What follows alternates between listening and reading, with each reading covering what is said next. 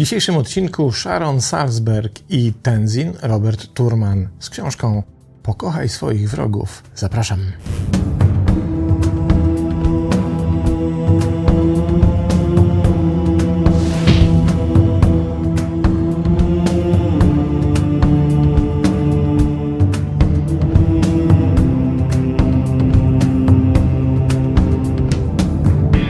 Przyjrzyjmy się na początek temu, kim są autorzy dzisiejszej książki.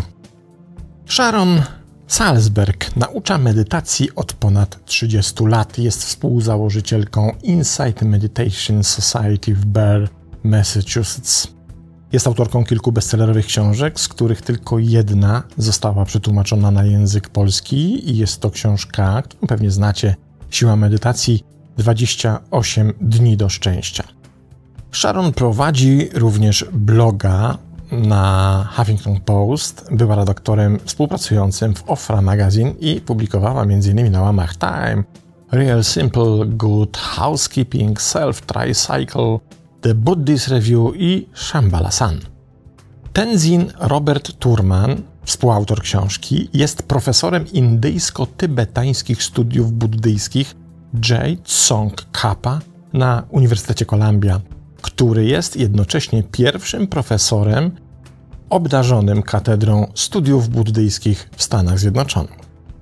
Jest autorem kilku bestsellerów, z których w Polsce ukazała się tylko jedna książka, i to jest książka zatytułowana Buddyjska mądrość na problemy współczesnego życia.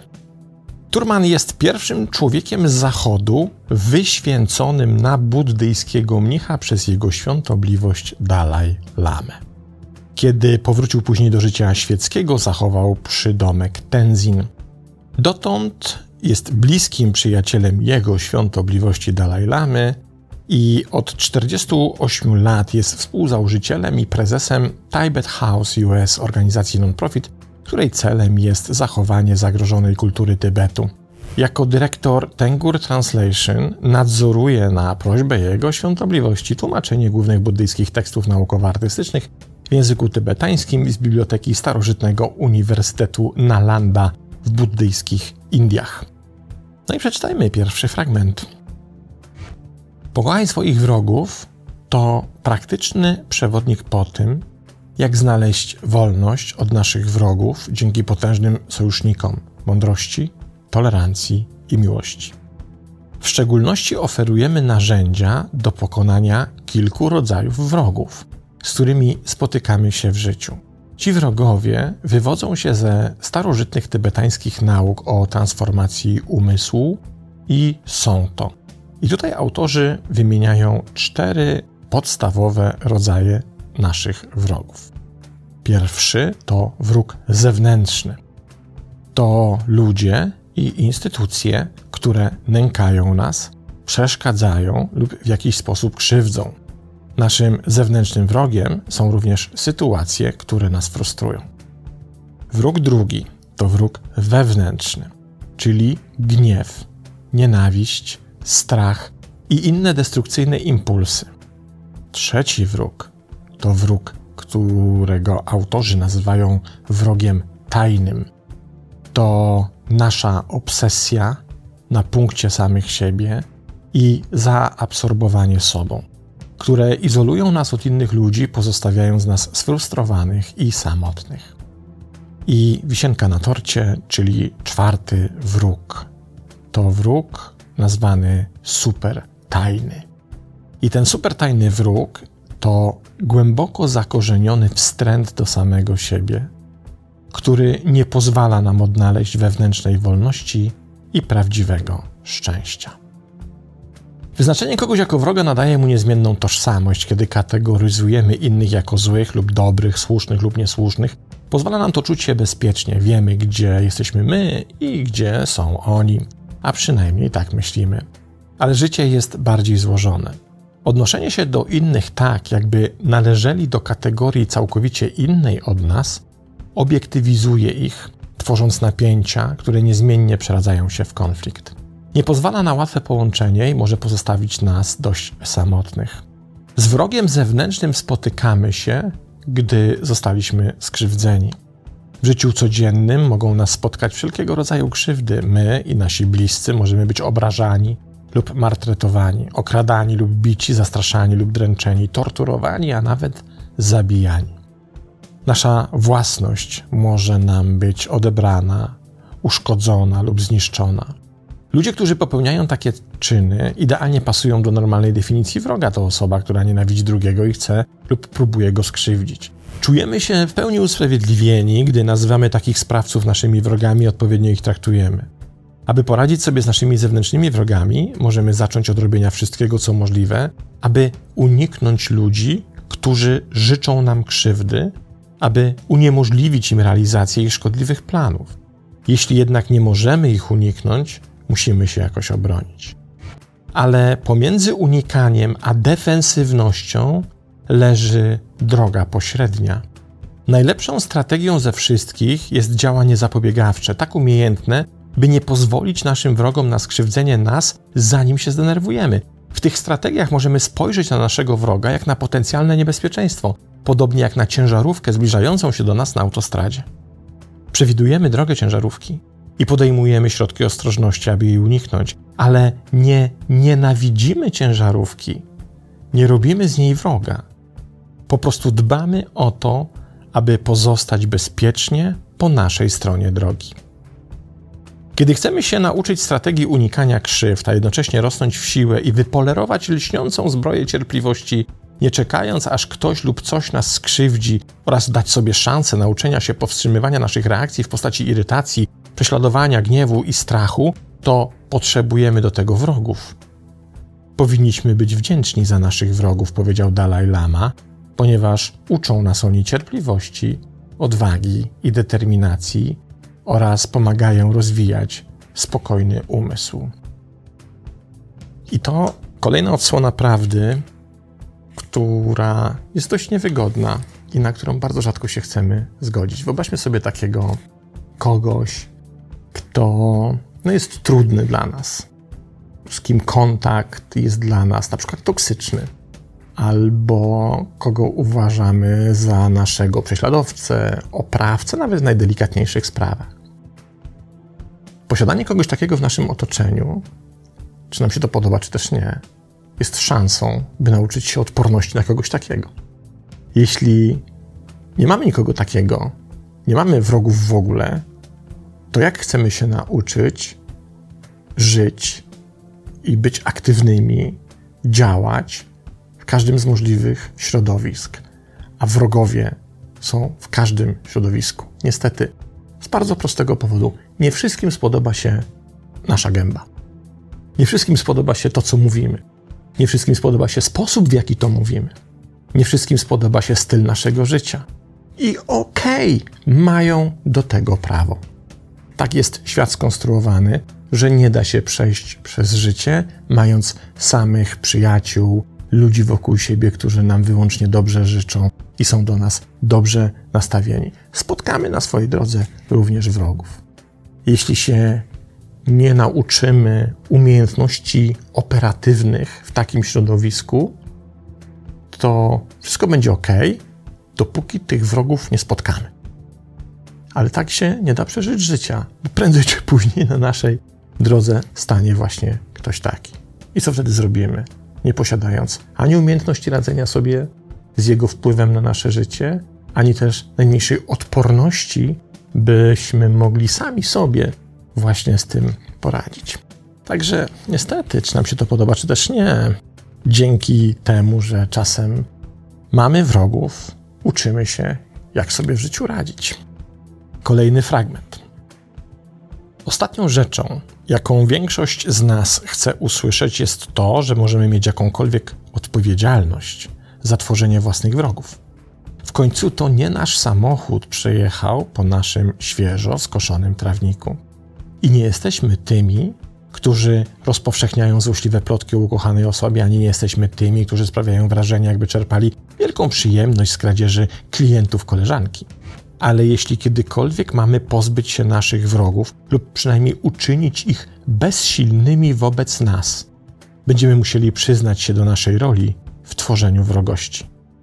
Każda osoba może być nieprzyjemna i szkodliwa, tak jak każda osoba może być miła i pomocna. Pomyśl o kimś, kogo bardzo kochasz. Jeśli spojrzysz wstecz, prawdopodobnie znajdziesz czas, kiedy zrobił coś, co cię skrzywdziło, nawet nieświadomie, lub czas, kiedy byłeś zły lub zła na tę osobę, lub ona była zła na ciebie. Wróg nie jest więc ustaloną definicją, etykietą trwale przyklejoną do każdego, kto według nas wyrządził nam krzywdę. To tymczasowa tożsamość, którą przypisujemy ludziom, gdy nie robią tego, czego chcemy, lub robią coś, czego nie chcemy. Ale cokolwiek zrobili lub nie zrobili inni, tworzenie wrogów zawsze do nas wraca. Niestety, my również mamy swój udział w tworzeniu naszych wrogów. Przez to, jak się zachowujemy, przez to, kim jesteśmy, przez to, że czasem postępujemy w taki, a nie inny sposób, który nam wydaje się słuszny, a dla kogoś może być irracjonalny, absurdalny czy wręcz krzywdzący. Wrogowie zazwyczaj nie rodzą się w próżni. Oni zawsze pojawiają się w określonym kontekście życiowym, sytuacyjnym, mentalnym, emocjonalnym. Myślę, że bardzo odświeżające jest takie spojrzenie, kiedy możemy sami siebie zapytać o to, na ile ja stworzyłem swojego wroga. Albo mówiąc inaczej, bardziej precyzyjnie, na ile i jak duży wniosłem wkład do tego, że dana osoba jest obecnie do mnie wrogo nastawiona, lub też ja uważam, że jej nastawienie jest w stosunku do mnie wrogie. Nagle się okazuje, że w bardzo wielu przypadkach nie jesteśmy bez winy, chociażby nawet najdrobniejszej, ale tam jest jakiś kamyczek, który umieściliśmy w tym ogródku i który później niestety wraca do nas pod postacią już dość dużej i groźnej skały. Poczytajmy dalej. Kolejny rodzaj wroga. Naszych wewnętrznych wrogów mamy sporo. To mnóstwo potężnych sił w naszych umysłach, obsesyjne pożądanie, płonący gniew, nawiedzająca zazdrość, stresująca rywalizacja, głupia duma, uparte złudzenia i przekonanie o własnej słuszności. Są to uzależniające energie, ponieważ chwytają nas od wewnątrz, zdając się zwiększać naszą energię i rozszerzać naszą istotę tylko po to, aby nas zbyt szybko zawieść i pozostawić nas w jeszcze bardziej bezbronnej sytuacji. Gniew i nienawiść chcą, aby ich ofiara odczuwała ból i cierpienie, podczas gdy miłość i współczucie chcą, aby ich ukochana odczuwała radość i szczęście. Ostatecznym przeciwieństwem gniewu jest miłość, gorące pragnienie, by inni byli szczęśliwi, ale na etapie wewnętrznego wroga, kiedy wciąż uczymy się radzić sobie z naszym uzależnieniem od gniewu, dążenie do miłości popycha nas zbyt daleko. Nierealistyczne jest oczekiwanie natychmiastowego przejścia od gniewu i nienawiści do współczucia i miłości. Cierpliwość jest środkiem pośrednim, miejscem tolerancji, wyrozumiałości, a z czasem i przebaczenia. Nadal możemy być zirytowani, gdy jesteśmy skrzywdzeni lub myślimy, że jesteśmy skrzywdzeni, ale nie zatracimy się w gniewie, o ile zaakceptujemy irytację. Zdobędziemy się na cierpliwość wobec krzywdy i krzywdzącego, powstrzymamy się od mściwych reakcji i być może nawet wybaczymy zranienie. Cierpliwość jest antidotum na gniew, a miłość może swobodnie powstać w oparciu o cierpliwość jako ostateczne przeciwieństwo nienawiści. Tak więc, aby poradzić sobie z wewnętrznym wrogiem, pierwszym krokiem jest pielęgnowanie cierpliwości. Kiedy zrozumiesz, że gniew sam w sobie jest Twoim największym wrogiem, uprości to walkę o odkrycie szczęścia. Ponieważ Twój główny wróg jest w środku, możesz go włączyć, znaleźć jego źródło, poznać jego przejawy, zbroić się przeciwko niemu i pracować nad jego wykorzenieniem. Dopiero wówczas powoli uwolnisz się od jego krzywdy. Tu wiem, że ten przykład podawałem chyba już kilkanaście, jak nie więcej razy, ale warto go znowu przywołać. Kiedy jest możliwy akt kreacji? Kiedy twórca jest inteligentniejszy niż to, co tworzy. W ten sposób na przykład zegarmistrz tworzy zegarek, dlatego że jest inteligentniejszy, jest mądrzejszy od zegarka, więc potrafi go stworzyć. Inaczej akt kreacji nie byłby możliwy. Kto tworzy Twój gniew? Kto tworzy Twój smutek? Kto tworzy Twój żal, przygnębienie, oczekiwanie, rozczarowanie i całą masę różnych emocji, z którymi tak ciężko jest sobie poradzić? Ty. Jesteś zegarmistrzem. Jedyną władną osobą, by nad tymi emocjami zapanować, bo to Ty je tworzysz. One są w Tobie. Masz nad ich tworzeniem pełną władzę. Bo inaczej akt kreacji nie byłby możliwy, skoro masz władzę nad ich tworzeniem, to również masz władzę nad tym, by sprawić, by przestały nad Tobą panować. Sięgamy teraz do trzeciego rodzaju wroga. Jak pamiętacie, to jest tajny wróg. Tajny wróg to wewnętrzny wzorzec, który jest głęboko spleciony z tym, co buddyjska psychologia nazywa przyzwyczajeniem do siebie. Identyfikowanym jako najgłębszy korzeń pożądania, gniewu i złudzenia, to zbudowany na fundamencie nawyku tożsamości wewnętrzny głos zaabsorbowania sobą. A co ze mną? Jak się mam? Co z tego mam? Co mam w ogóle? Jak mnie widzą? Jak będzie mi to służyć? Wsłuchujemy się w ten natarczywy, nieustanny głos ego i czujemy, że nie możemy temu zaprzeczyć, ponieważ myślimy, że jest to nasz jedyny głos. Jednak ten głos naszego ciągłego zaabsorbowania sobą jest naszym podstępnie potężnym wrogiem, udającym, że jest naszym prawdziwym głosem i wydaje się być pomocny i wspierający, jednocześnie prowadząc nas ścieżką do zniszczenia. Ukryty przed naszym świadomym umysłem, przejmując nasz świadomy umysł, tajemny wróg żyje w cieniu, ukrywając się przed nami, ukazując się nam jako nasze ja. Czterostopniowa droga do zwycięstwa nad tajnym wrogiem jest procesem stopniowym, wymagającym krytycznej mądrości i koncentracji medytacyjnej, twórczej wytrwałości w działaniu mentalnym i społecznym, a ostatecznie odważnej zdolności tolerowania wolności i błogości. Wymaga prawdziwego bohaterstwa. Dharma Rakshita określił cztery podstawowe kroki do zwycięstwa nad tajnym wrogiem. Pierwszy. Pierwszym wyzwaniem jest uświadomienie sobie zaabsorbowania sobą, które opiera się na kompleksie tożsamości, zarówno jako na instynkcie, jak i na nawyku. Drugie.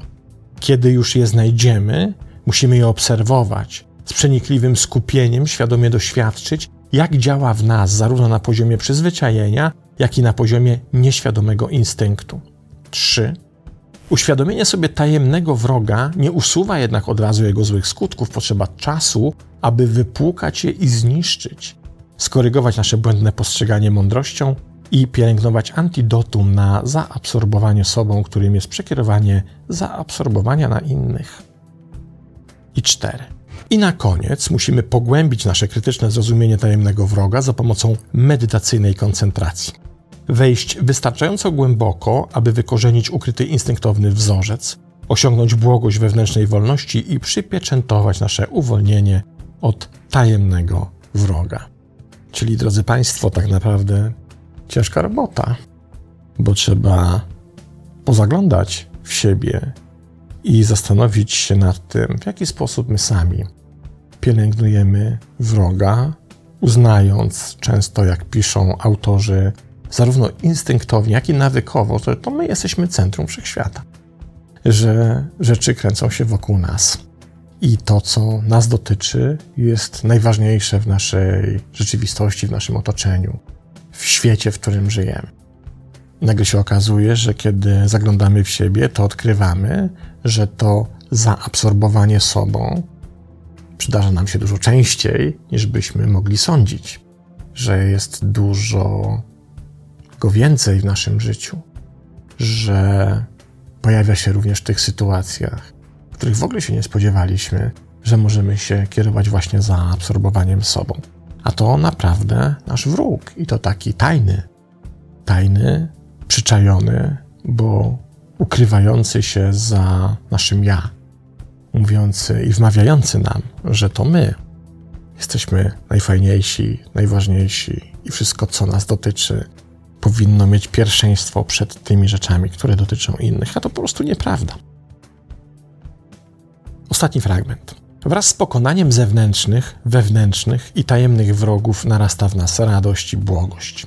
Jesteśmy w stanie zobaczyć prawdziwy sens i cel życia, w ten sposób uzyskujemy wiarę w naturalną dobroć wszechświata. Teraz utożsamiamy się ze wszystkimi istotami. Nie ma oddzielenia między nami, nie ma ja i innych, nie ma my przeciwko tym, których nazywamy oni. Możemy kontynuować drogę z pełną ufnością w potencjał całkowitego przebudzenia, ale mimo wszystko wciąż jest cień zasłaniający naszą błogość. To rozbieżność pomiędzy naszą kontemplacyjną wizją oceanu wolności, a naszym codziennym doświadczeniem burz i pozornie niekończących się konfliktów zwykłego życia. Teraz właśnie napotkaliśmy super tajnego wroga. Znajdujemy go w rozbieżności między tym, co wewnętrzne i zewnętrzne, między tym, co wyobrażamy sobie, a tym, co możemy osiągnąć. Kiedy szukamy źródła tego supertajnego wroga, znajdujemy go głęboko w sobie, bez względu na to, jakiej radości i błogości doświadczamy. Pozostaje zasadnicza troska. Postrzegamy siebie jako tak niezasłużonych, że nie moglibyśmy doświadczyć całkowitej wspaniałości głębokiej rzeczywistości. Ale kto nam powiedział, że nie zasługujemy na prawdziwe spełnienie? Ekstatyczną błogość, miłość wszystkich i miłość do wszystkich. Dlaczego w gruncie rzeczy tak mało oczekujemy od życia? Super tajnym wrogiem jest nasza utrzymująca się niska samoocena. To poczucie bezwartościowości, to samopogarda, wstręt do siebie i samozaparcie się siebie opierają się na głęboko zakorzenionym kompleksie niższości wpojonym nam od dzieciństwa przez kulturę ogarniętą strachem i ignorancją. Ten kompleks niższości osłabia wyobraźnię, ogranicza nasz entuzjazm, więzi smutku i rozpaczy. Zwycięstwo nad tym supertajnym wrogiem, nasze czwarte i ostatnie zwycięstwo, osiąga się poprzez odzyskanie potężnych energii kontrolowanych wcześniej przez gniew i nienawiść, energię ognia i iluminacji, która rozprasza wszystkie cienie, oraz energię wody i przepływu, wcześniej związaną z pożądaniem, przywiązaniem i chciwością, i władanie nimi na nowo z roztropną mądrością. Czyli przetłumaczywszy to w skrócie, dlaczego uważasz, że nie zasłużyłeś na oświecenie? A może zasłużyłeś? A może te miliony ludzi na świecie, że tak uważają, są w błędzie? Może wszyscy zasługujemy. Jakże inaczej by się nad sobą pracowało, jakże inaczej zmierzałaby się ścieżką rozwoju duchowego, gdybyśmy pokonali tego ukrytego, supertajnego wroga, który przekonuje nas, że na przykład boskość jest nie do osiągnięcia. Na szczęście w historii świata było kilku śmiałków, którzy w to nie uwierzyli.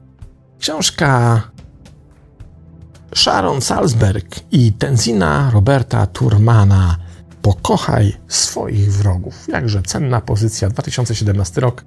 W Polsce niestety nieobecna z wielką szkodą. To tyle. Pozdrawiam i do następnego razu.